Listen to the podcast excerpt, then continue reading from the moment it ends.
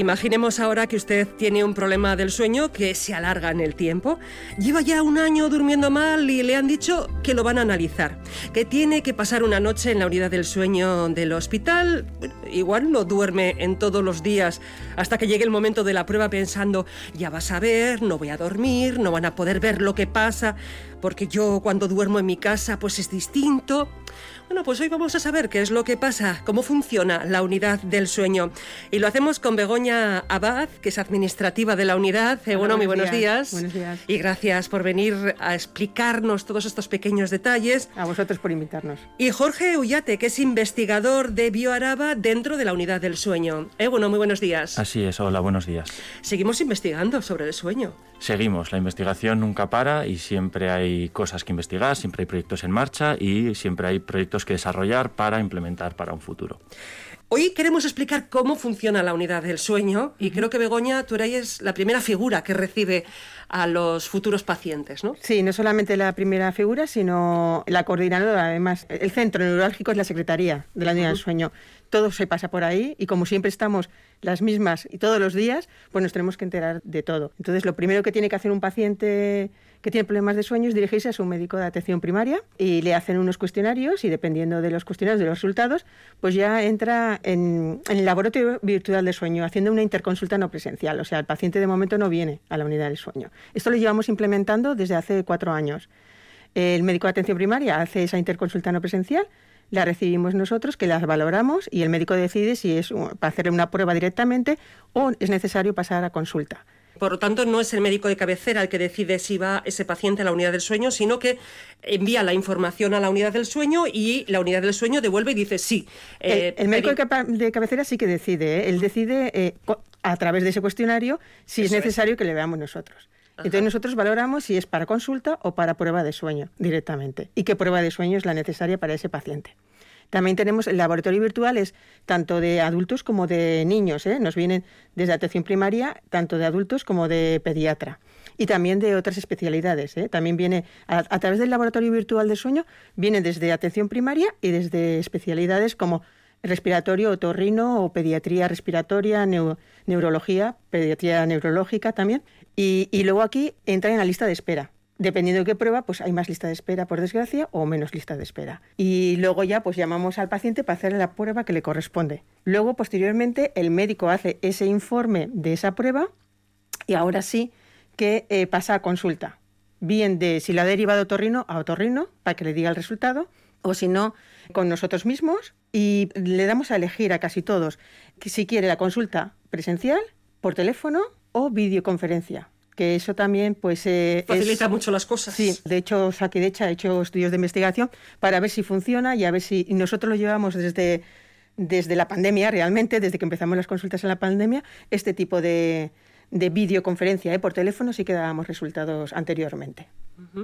No todo el mundo que pasa por la unidad del sueño tiene que hacer muchas pruebas. Lo digo porque tú has nombrado otra serie de especialidades que puede ser porque esa persona pueda tener otro tipo de problema de salud que conlleva problemas y que no duerma, pero en realidad por eso pasa por otros departamentos, vamos a decir, ¿no? Sí, la gran mayoría son problemas de apneas, eh, paradas respiratorias durante el sueño, pero después hay otros problemas como puede ser el, movimiento periódico de piernas o, que se queden dormidos a mitad de, de, su jornada laboral, en fin, hay, hay otros tipos de problemas. Los niños también cuando tienen cuando quieren ser operados de anginas, primero también se le hace la prueba a ver si tienen apnea. Si tienen apnea, sí que se les opera sí o sí. Si no, pues ya se valora la comorbilidad que, tenga ese niño. Y nosotros en la unidad del sueño eh, trabajamos no solamente eh, administrativos, enfermería, sino además médicos. Los médicos son neumólogos o neurofisiólogos. Los neumólogos se dedican a la apnea y los neurofisiólogos, que ha estado por aquí, pues tanto Carla Pía como Ainhoa Álvarez o Salva Delis, eh, eso se dedica más a ese otro tipo de, problemas, que ya no es la apnea, sino otro tipo de trastorno eh, no respiratorio. Jorge ahora mismo la investigación se centra en esas apneas o hay otro tipo de preocupaciones. Pues es verdad que históricamente y en un pasado reciente el grueso de la investigación en torno al sueño eh, está dado o se centra sobre todo en, los trastornos respiratorios, ¿no? en concreto en las apneas. Pero también es verdad que en los últimos años se ha abierto un poco el abanico y hay una serie de proyectos muy interesantes, no solo que tengamos nosotros, sino en general, ¿no? en el mundo de la investigación en otros centros, que ya se empiezan a centrar en otros, en otros trastornos, incluso en no trastornos. Porque es verdad que la investigación siempre empieza centrándose o trabajando sobre un trastorno de sueño, pero luego empiezan a desarrollarse proyectos que tratan de averiguar determinadas cuestiones relacionadas con el sueño, pero que no están involucradas en ningún trastorno. No, no estudian un trastorno en concreto, sino determinado, eh, determinada cuestión o determinada situación que se da o no se da durante el sueño. Eh, ¿Qué pasa cuando yo voy a la unidad del sueño? Nos decía Begoña, eh, el médico de cabecera me deriva, yo voy porque tengo un problema, mm, hemos eh, ampliado muchísimo el abanico de posibilidades. Entiendo, me recibe una enfermera, ¿no? Me preguntará cosas sobre mi vida habitual. bueno, ¿Te refieres una vez has entrado ya en el circuito de, Eso es. una vez me han derivado ya desde el médico de cabecera. pues en en función de, la, de, los cuestionarios que tú hayas realizado y de la opinión del, del, médico de atención primaria, él ya te deriva porque tiene sospechas de una cosa u otra. Eh, nosotros, con la información que nos, eh, que nos envía este médico de atención primaria y con los resultados que también vemos de esos cuestionarios, pues decidimos si se hace una consulta para, pues bueno, porque a veces hay que realizar una consulta previa a determinar si hay que hacer una prueba o no, o directamente se puede realizar una prueba eh, que dependerá también de la situación concreta a ese paciente. Eh, si, la decisión es realizar la prueba, pues directamente se realiza y luego ya entrarían resultados, consulta de resultados, etcétera, como ha explicado antes eh, Begoña. Y si, y si se decide hacer una cita, una consulta previa a la prueba, de hecho sería previa a la decisión de hacer una prueba o no, pues bueno, pues ahí también generalmente es porque porque no está claro ¿no? qué tipo de trastorno hay, si es que hay alguno, si es eh, que si sería conveniente o no realizar una prueba u otra, ese tipo de paciente que está un poco en el límite ¿no? entre una situación y otra. Entonces, bueno, esa sería un poco... Una prueba u otra. ¿Qué pruebas me pueden hacer? Bueno, pruebas, eh, pruebas hay muchas. Pruebas eh, tenemos, por ejemplo, la más clásica, igual la que más se conoce, ¿no? Es la polisomnografía eh, nocturna, que simplemente tú vas, pasas una noche en el hospital, te colocan una serie de sensores que son tanto te miden parámetros respiratorios como neurofisiológicos. Es decir, en todo momento se monitoriza si estás durmiendo o no y la frecuencia respiratoria, el flujo de aire de entrada y salida, etcétera. Esto se hace, pues, sobre todo cuando hay sospecha de apneas, ¿no? de, de trastorno respiratorio. Hay pruebas más simplificadas para trastornos respiratorios, como puede ser la poligrafía, que ya incluso se hace en domicilio. ¿no? Es un aparato muy sencillito, solamente tiene pulsioxímetro y cánula nasal. El paciente va a casa, se lo pone en su casa y luego devuelve el equipo a la mañana siguiente. Pero luego hay otra serie de pruebas que puede ser, por ejemplo, eh, una actimetría para este tipo de pacientes que igual tienen unos ritmos eh, de sueño vigilia alterados o que sufren algún tipo de trastorno tipo narcolepsia, por ejemplo, ¿no? que te quedas dormido sin poder evitarlo. Entonces, esas son pruebas más largas, que pueden ser entre una semana y dos semanas, y se recogen parámetros pues, de, movimiento, eh, luz ambiental, temperatura corporal. Bueno, la verdad es que el número de pruebas es, es bastante... No es que haya muchísimas pruebas diferentes, pero bueno, sí tenemos cinco o seis tipos de pruebas con el que cubrimos prácticamente el grueso de... Que se adaptan a, las, eh, a lo que buscamos en concreto, porque quizás el problema de sueño sea solamente que la luz o la ambientación que tiene en su habitación esa persona mm, no es la correcta. O puede también que si me paso la noche en la unidad del sueño, la luz y la ambientación claramente no va a ser la misma que yo tengo en mi casa, ¿no? Eh, es posible, sí. De hecho, hay, hay un porcentaje relevante de la población o de los pacientes que vienen, ¿no? de, la, de la gente que viene a la unidad, que el problema principal que tiene es de higiene del sueño, es decir, de medidas de cómo conciliar el sueño, eh, mantener un espacio aislado, con buena temperatura, con baja iluminación, etcétera, ¿no? Al final, pues tratar de dormir en las mejores condiciones posibles, eso pues es a veces complicado, conciliación también laboral, unos horarios complicados, cambio de turnos, etcétera, todo eso es la higiene del sueño. Y hay muchos pacientes que vienen y por problemas de sueño que se arreglan mejorando la higiene del sueño pero luego hay otros en los que eso no es solo suficiente, entonces sí que es necesario realizar alguna prueba de estas que comentábamos antes.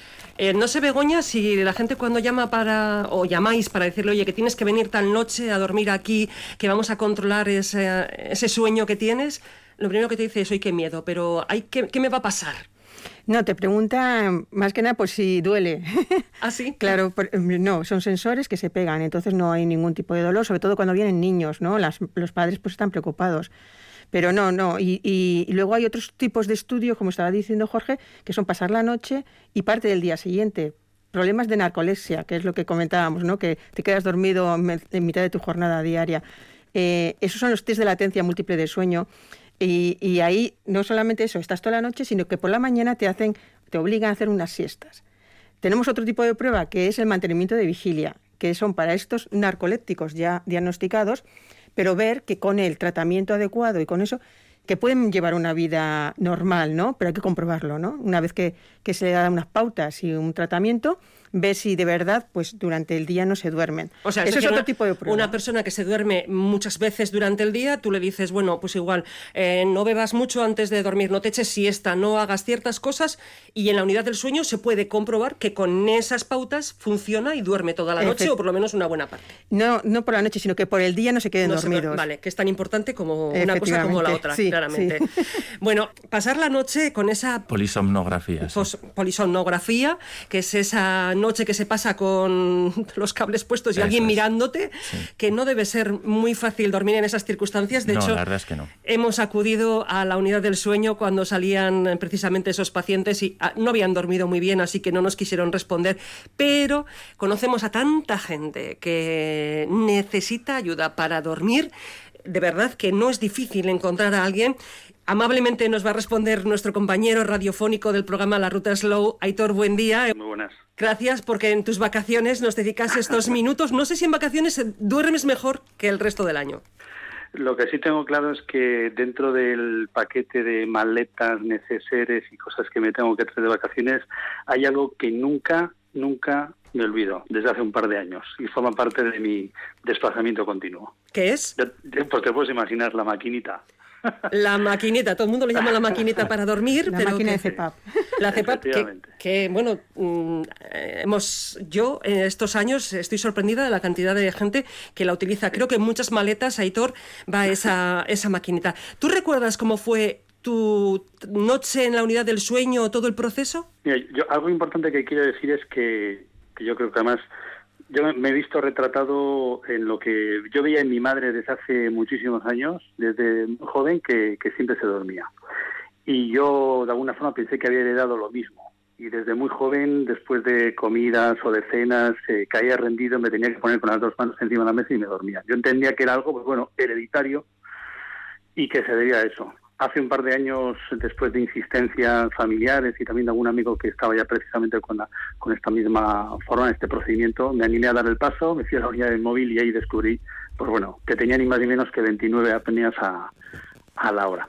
Por lo tanto, eh, a, la pregunta de, lo que, de lo que me dices, o sea, la, máquina en cuestión desde hace dos años lo que me permite es eh, descansar, eliminar esas 29 apneas a la hora y esa esa cita que dices de tener que ir hasta la unidad del sueño, en mi caso no fue necesaria, simplemente fui para que me pusieran o hiciera la, la puesta en marcha de todo el proceso del tubo, de cómo hay que enchufar, etc. Pero estuve monitorizado, creo que fue una semana o tres, cuatro días a través de de línea o de RDSI o, ADSL, no me acuerdo exactamente. Perdona, Aitor, pero creo que es lo que estaba comentando ahora Jorge, ¿no? Que existe la posibilidad de hacer esa prueba desde casa, Jorge. Eh, bueno, la prueba que comentaba era un poco diferente, pero sí que hay pruebas que son eso, un registro continuado durante varios días que al final te permite inferir una serie de información, ¿no?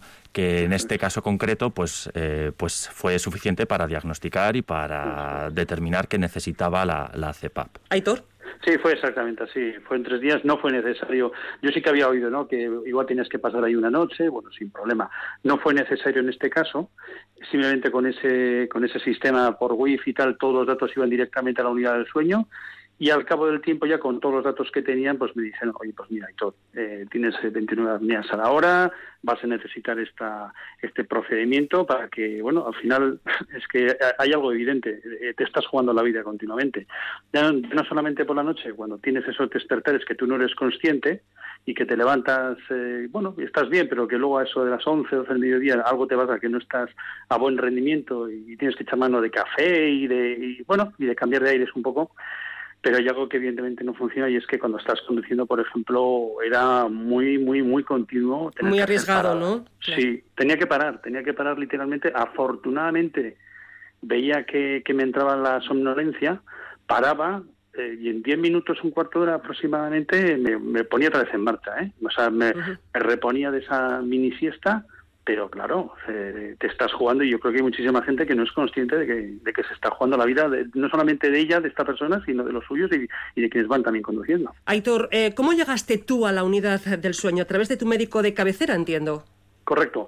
Yo la primera información que, que tuve al respecto de, este proceso fue a través de un amigo, típico el típico amigo que, vas por ahí de, fiesta a un sitio y te encuentras que dentro de su lleva las zapatillas de deporte, lleva la ropa y lleva de repente un estuche, ¿y esto qué es? Empieza a sacar el tubo, la máquina y claro, de repente te choca, ¿no? ¿Cómo es posible? Pues a gente que somos más o menos jóvenes, que no somos tremendamente mayores, más o menos jóvenes, que, necesitamos dormir con eso, ¿no? Esa fue mi primera curiosidad. A partir de ahí, el proceso que comentaban anteriormente.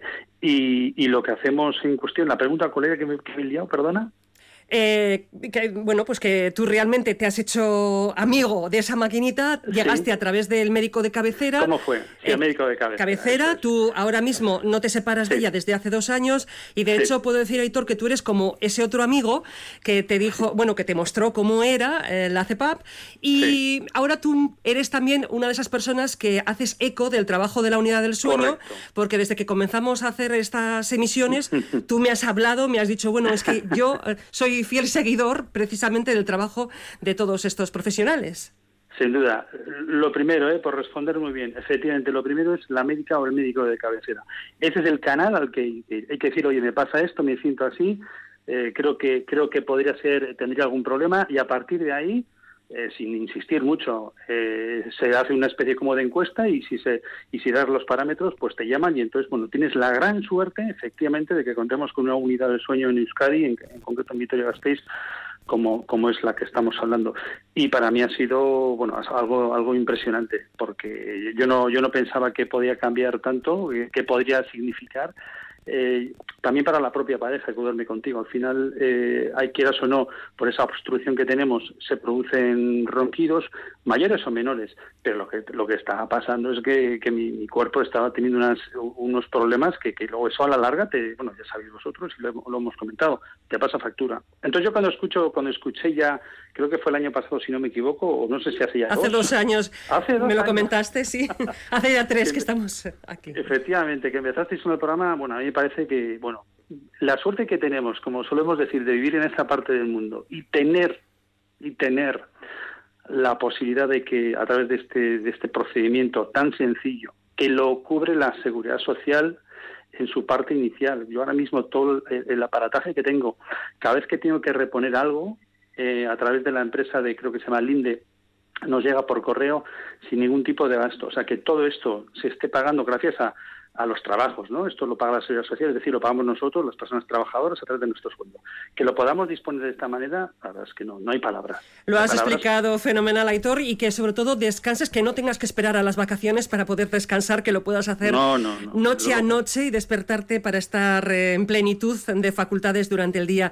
Aitor, muchísimas gracias por contárnoslo. Un abrazo. Pues a ti, Gemma, por el programa que estás haciendo, porque es muy, muy importante, muy bueno, y al equipo de la Unidad del Sueño por, por ese trabajo que está desarrollando. Enhorabuena a todos y todos. Gracias, Aitor. Bueno, eh, el trabajo, el que hacen ellos, no solamente dentro de la unidad del sueño, sino aquí en Radio Vitoria, todos los años contando y explicando y respondiendo preguntas, que por cierto, tenemos eh, varias preguntas. El teléfono, se lo recuerdo, 656 78 71 80. Si nos quieren enviar sus mensajes, viene por escrito o grabándolo con su voz, 656 78 71 80. ¿Algo que matizar de lo que ha dicho nuestro compañero? Eh, no, yo estoy de hecho muy de acuerdo con lo que dice. Muchas veces eh, comentar que la gente parece que se acostumbra a dormir mal, ¿no? Es un problema. Si una persona le duele la rodilla, al final intenta buscar solución. Pero si una persona duerme mal, asume que es normal y, y ya está, se acostumbra, no busca solución. Por suerte, en los últimos años esa tendencia está cambiando pero, pero todavía tiene que cambiar un poco más. ¿no? Hay que potenciar que la gente, si, si tiene problemas de sueño, acuda a su, a su médico de cabecera. Y quizás vaya al médico de cabecera y diga, es que tengo tal problema, es que ayer no dormí, pero el problema es decir, es que ayer no dormí ni la noche anterior ni la anterior, ¿no? Una suma de noches. los cuestionarios. Con los cuestionarios se ve claramente. ¿Qué se pregunta en ese cuestionario? Eh, eh, en ese primero. Se hacen muchísimas preguntas. Eh, yo creo que es el cuestionario de Chervin el que utiliza el médico de atención primaria. Y se pregunta, no de la noche pasada, sino cuando va un médico. Además, si va un paciente al médico cabecera, no le dice porque ha dormido mal una noche, sino porque su vida diaria está siendo afectada. La mayoría son por apneas. el 90% de las pruebas que hacemos son poligrafías que se hacen en el domicilio Vienen aquí eh, a la unidad del sueño, les damos el dispositivo, les explicamos cómo se lo tienen que colocar esa misma noche y al día siguiente lo devuelven. Eso es en general el 90% de las, de las pruebas que se hacen. Y, son gente que tiene problemas por apneas. Y esas apneas no solamente afectan al cansancio o, a, tu, o a, conducir, por ejemplo, que era muy importante lo que decía Aitor, sino también problemas a largo plazo cardiovasculares, que eso no nos damos cuenta, pero nos llegan también muchas peticiones desde cardiología, eh, para pacientes que necesitan una CEPAP.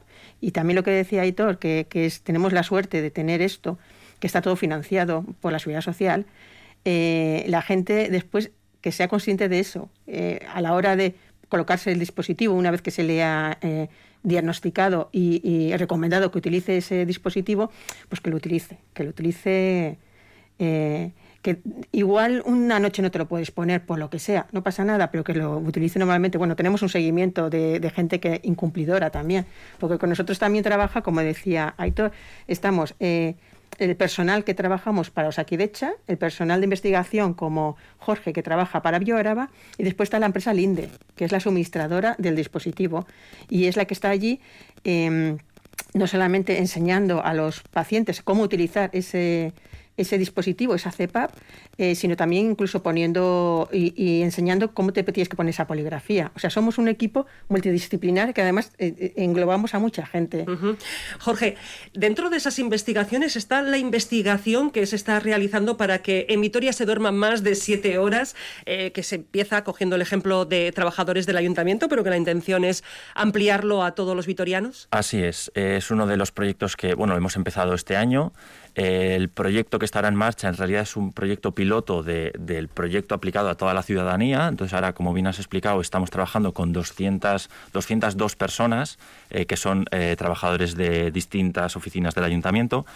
Y, bueno, el objetivo principal es que tenemos información de que hay un, un, porcentaje de población que duerme menos de siete horas, un porcentaje significativo de población, y lo que queremos es por un lado, tener nuestra propia medición de cuánto tiempo duerme cada, cada habitante, ¿no? cada, cada ciudadano. Es importante que no estamos hablando aquí de pacientes, sino de ciudadanos.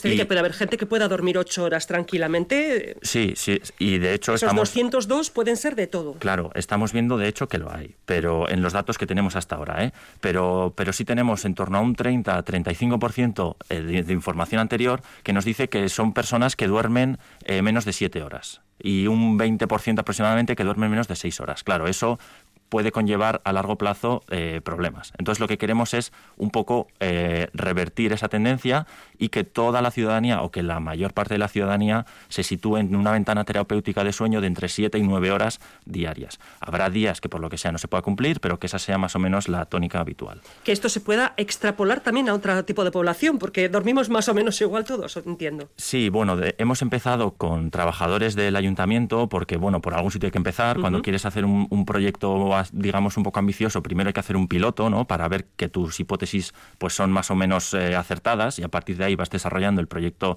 eh, global, digamos pero también porque es más fácil para nosotros empezar por población que, por ejemplo, tenga un turno concreto de trabajo, no sean trabajadores a turnos, no trabajan por las noches, porque eso también eh, afecta no solo al momento del día en el que duermes, obviamente, ¿no? No trabajas, no duermes a la misma hora si trabajas de noche que de tarde que de mañana, sino al tiempo total de sueño diario. Entonces hemos querido empezar por una población eh, más o menos controlada, digámoslo así, y a partir de ahí eh, seguir avanzando con el proyecto e ir ampliándolo a la población en general. ¿Más o menos un año para poder tener algún resultado? Esos son los plazos que estamos manejando, sí. Eh, tenemos un seguimiento, un seguimiento de, ocho meses para, esta, para estos 202 participantes de este proyecto Y luego, claro, hay un trabajo detrás de tratamiento de datos, análisis de los resultados, etcétera. Manejamos más o menos ese plazo, en torno a un año. Sí. ¿Están siendo formales, ofreciendo los datos y colaborando? Sí, de hecho están siendo muy formales. Los principales problemas que está habiendo son técnicos, debido sobre todo al, dispositivo que estamos utilizando, al medidor de sueño.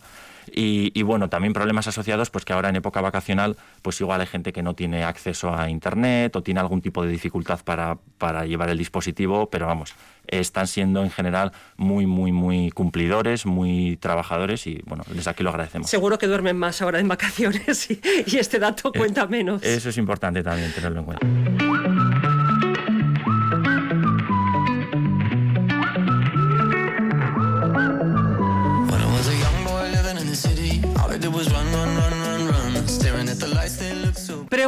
Que nos llegan de los oyentes. Hola, tengo máscara para dormir.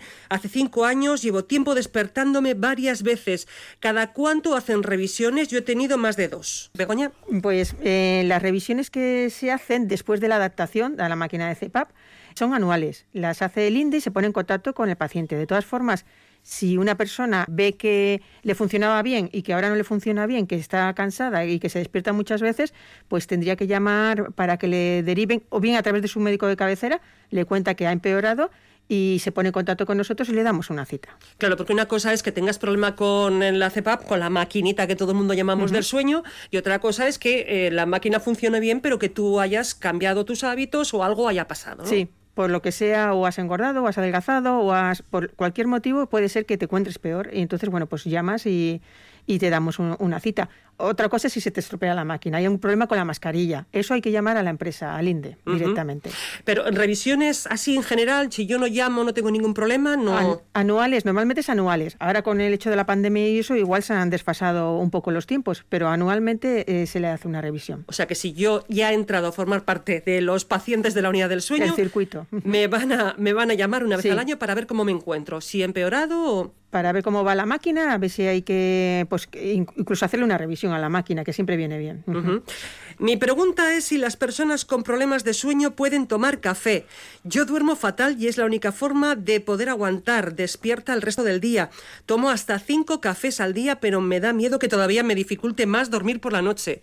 Pues es que, claro, hay contraindicaciones, ¿no? En todo esto. Sí, bueno, aquí también hay que tener en cuenta qué tipo de problema de sueño tienes. Es decir, eh, hay algunos problemas para los cuales el café, pues bueno, puede ser más o menos relevante, ¿no? En este caso es posible, sin conocer el tema, que sea eh, al final un poco un círculo vicioso, ¿no? La pescadilla que se muerde la cola. Duermo mal, por lo tanto tomo cafés para no dormirme durante el día, eso me hace que luego vuelva a dormir mal, eso me hace que al día siguiente vuelva a necesitar más cafés.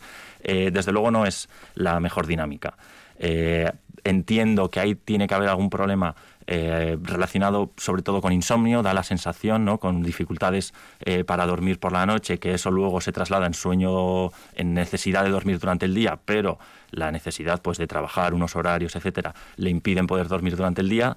Eh, yo en ese caso sí que llamaría a mi médico de cabecera y le diría, tengo este problema, y los especialistas que son los de la unidad de sueño me dirán qué tengo que hacer y cómo lo tengo que hacer, valorando el caso concreto. Quizás ir reduciendo la dosis de café para saber, porque claro, igual también el cuerpo se ha habituado ya a una dosis de café que no me permite dormir. Eso desde luego, también eh, existe ese efecto, al final tú te vas acostumbrando, ¿no? El primer café que te tomas cuando has estado un mes sin tomar café, pues es como que es, es mucho más... Funciona. Exacto, pero luego ya a medida que vas tomando café todos los días, pues empiezas a necesitar dos, luego empiezas a necesitar tres. Entonces, bueno, si sería una recomendación eh, saludable, dijéramos, ¿no? Eh, pero yo también diría que, trate de contactar con su médico de cabecera, que pida una cita y que, le, y que decida él los cuestionarios que tenga que realizar y si nos tiene que derivar a nosotros a la unidad de sueño, pues ahí le veremos al paciente. Unai nos dice, me gustaría saber si tengo narcolepsia. No me pasa lo de quedarme dormido haciendo cosas, pero si me siento en algún sitio me duermo siempre. Si me echo una siesta tienen que despertarme porque puedo enlazar con el día siguiente y aún así podría volver a dormirme. Nunca me siento cansado, al contrario tengo la sensación de dormir muy bien, pero está claro que necesito dormir mucho. Hombre, eso hay que verlo en consulta. no se puede hacer un diagnóstico por así. Eh, hay que verle, hay que preguntarle, hay que hacerle los cuestionarios pertinentes. De hecho, en la enfermería eh, tenemos una de las consultas que es entrevista de acogida. Que dura 40 minutos, de todos los cuestionarios y cosas que se le hacen a, a los pacientes. Entonces, eso tiene que acudir al médico de cabecera para que le veamos nosotros. Luisa, oyente habitual de Radio Vitoria, tanto que también la escucho por las noches. Cuando me acuesto me pongo unos auriculares y me duermo escuchando la radio. ¿Esto es malo? Mm, no, no necesariamente. Eh, si es, algo, una voz que se va hablando. Si es algo que te impide dormir bien o te impide conciliar el sueño, luego te despierta por las noches, pues obviamente si tiene problemas asociados es malo, pero no necesariamente tiene por qué ser malo, ¿no? Hay gente que se ha acostumbrado, pues como ella, a dormir así por las noches, a conciliar el sueño de esta manera. Si le funciona, si no tiene ningún problema, no, no, pues no hay problema, no es malo, no, no tiene por qué serlo. El problema es que se despierte, ¿no? Y se quede la atención, se, ponga en la radio. Claro, si, si, por lo que sea tú te estás poniendo un programa de radio o un, un podcast o algo así para eh, que es que te mantiene la atención, ¿no? Estás muy atento, pues sí que eso dificulta luego la conciliación del sueño. Esa fase previa en la que tú te tienes que ir relajando, pues se ve dificultada. Pero si es al final un hábito, ¿no? Una rutina que tú has tomado previo a dormir, pues no hay, no hay ningún problema. Otra pregunta. Mi mujer y yo escuchamos juntos esta sección. Ella siempre me dice que duermo demasiado porque por las noches puedo dormir 11 horas perfectamente. Bueno, vamos, ya le rinde poco el día, el resto del día, ¿eh? Y además luego me duermo una buena siesta. Según ella, durmiendo tanto lo único que haces es engordar. Yo le digo que eso es mentira, así que necesito que nos digáis quién de los dos tiene razón. Qué bueno. tanto es malo dormir poco como dormir mucho. Lo de engordar no sé si tiene relación exactamente con, con eso o con la comida que se come pero, pero sí que es eh, igualmente de malo, ¿eh? una cosa como la otra. No es bueno dormir 11 horas. No. Entre 7 y 9, ha comentado antes Jorge. Sí, la ventana mm. terapéutica está entre 7 y 9. Es verdad que casos extremos puede haber y hay gente que durmiendo 4 está perfectamente bien toda su vida y hay gente que necesita, por lo que sea, dormir 12 horas es muy poco habitual. O sea, mm, posiblemente sea, pues bueno, pues que no hay actividad física, que no hay unos horarios estrictos, que no. A la larga, sí se ha visto una asociación entre dormir menos de siete horas o más de nueve con diferentes patologías. a los 20 o 30 años, mayor mortalidad, etcétera. No necesariamente tiene por qué estar causado por ese tiempo de sueño, sino que puede ser, por ejemplo, que hay gente, hay pacientes de determinadas enfermedades que les producen estar mucho tiempo en cama y por lo que sea, eso al final terminas durmiendo muchas horas y es esa enfermedad la que luego genera esas, esos problemas a largo plazo.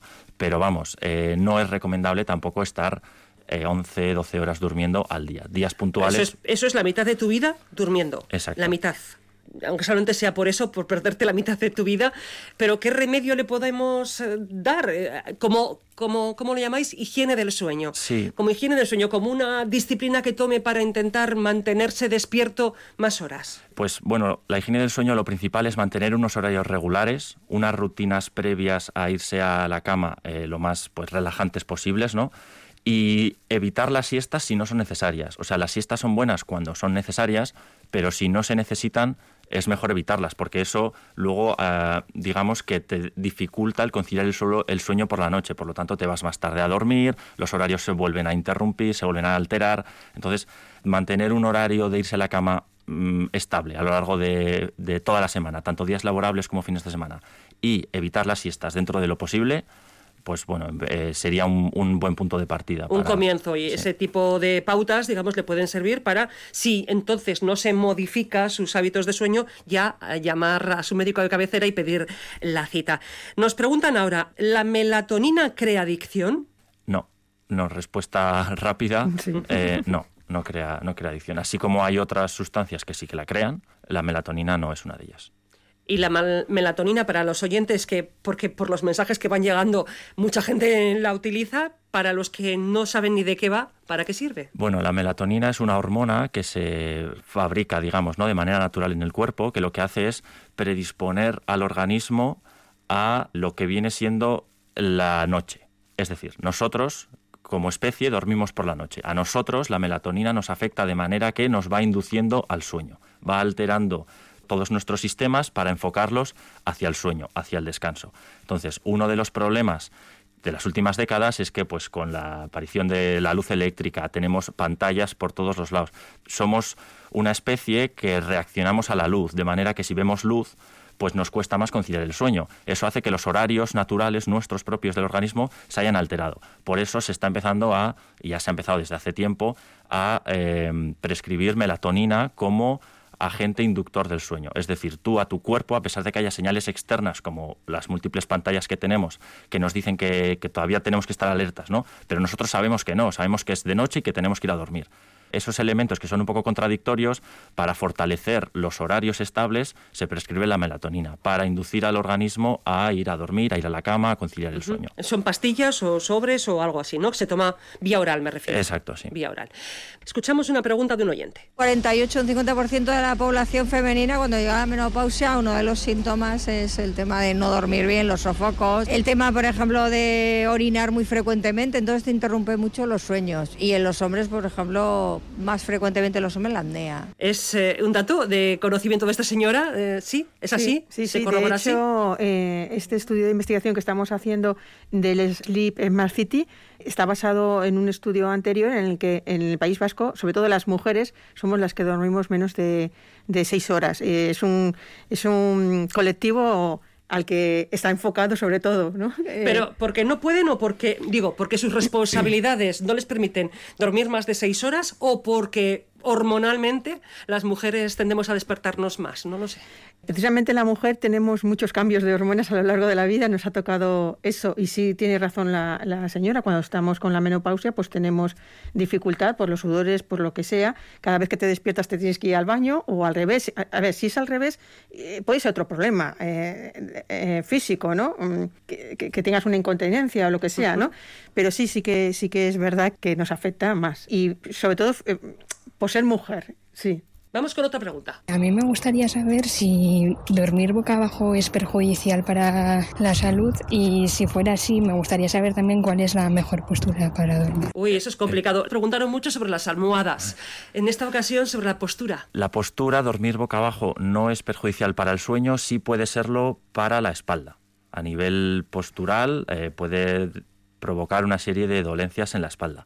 La mejor postura para dormir es de lado y preferiblemente hacia el lado izquierdo. Eh, eso, bueno, dificulta o facilita, mejor dicho, ¿no? Facilita que no haya reflujos, facilita que las digestiones sean más ligeras, pero sobre todo de lado. Boca arriba se favorece mucho el, colapso de la vía aérea, ¿no? De manera que se interrumpe el paso del aire. Exacto. Ahí aparecen más los ronquidos y las potenciales apneas. Boca abajo, este problema no existe pero puede sufrir la espalda a la larga. Entonces, eh, de lado es, es lo mejor. De lado es lo mejor, pero yo me pregunto, cuando uno ya es adulto y se ha acostumbrado a dormir boca abajo boca arriba, ¿de qué manera eh, se consigue cambiar esa postura, puesto que no te das cuenta cuando te mueves, ¿no? Es complicado cambiarlo, la verdad, precisamente por lo que dices, porque tú te echas a dormir y luego de manera inconsciente te vuelves a la postura a la que estás acostumbrado, ¿no? Independientemente de que te duermas de lado, eh, luego durante el sueño, sin darte cuenta, te cambias y te pones boca arriba. Pero es algo que se puede tratar, de hecho, nosotros hay eh, las apneas tienen un componente posicional muy importante y hay pacientes que solo tienen apneas cuando están boca arriba. Entonces nosotros, en un proyecto de investigación que tuvimos, eh, llegamos a patentar un dispositivo vibrátil que se coloca en la frente, de manera que tiene un sensor que cuando detecta que el paciente está boca arriba, pues a los 30 segundos empieza a vibrar, muy, muy suavecito. Eso genera que el paciente tenga un despertar superficial, que le, hace cambiarse de lado. No llega a despertarse de manera consciente, es decir, luego no lo recuerda, pero sí le molesta lo suficiente como para cambiarse de lado. Es un poco como cuando alguien está roncando y el compañero de al lado le da un poco con el codo o le hace unos ruiditos para que se mueva, ¿no? Eh, ¿Eso tiene que ser prescrito por el médico? De hecho, es, una, es un tratamiento que se, que se da ahora mismo, ¿no? que se prescribe ahora mismo en la unidad de sueño. Eh, también se puede, si no me equivoco, se puede comprar de manera eh, privada. Exacto, tú vas y te compras el aparato y te lo pones si quieres. No está incluido en la seguridad social. Este no está incluido. Este no está incluido, pero por lo tanto puede acceder nosotros, cualquier persona que quiera. Nosotros sí que le podemos decir al paciente si es posicional o no el síndrome del SAUS que tiene eh, y si es posicional, eh, le damos para probar si de verdad se le quita, si de verdad se acostumbra. Y si de verdad le vale, él ya si quiere lo compra. ¿Cómo tenemos que pedirlo? que es exactamente el nombre? Es, un dispositivo, sí, es un dispositivo vibrátil. Eh, sí, es pequeñito, pesa muy poco, se coloca en la frente y te, entrena, digamos, ¿no? A, dormir de lado. Nos preguntan rápidamente.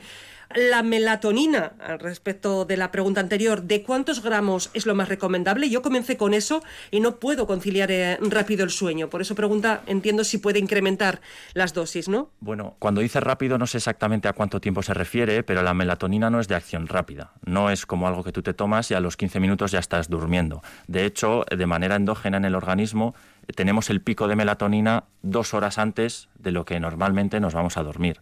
Eh, es decir, no es algo que venga melatonina el organismo y ya estamos prácticamente metidos en la cama. No, no funciona exactamente así. Eh, entonces, eh, sin saber exactamente a, cuánto tiempo se refiere con lo de rápida, pues es complicado decir, ¿no? Pero bueno, hay, hay, diferentes dosis de melatonina.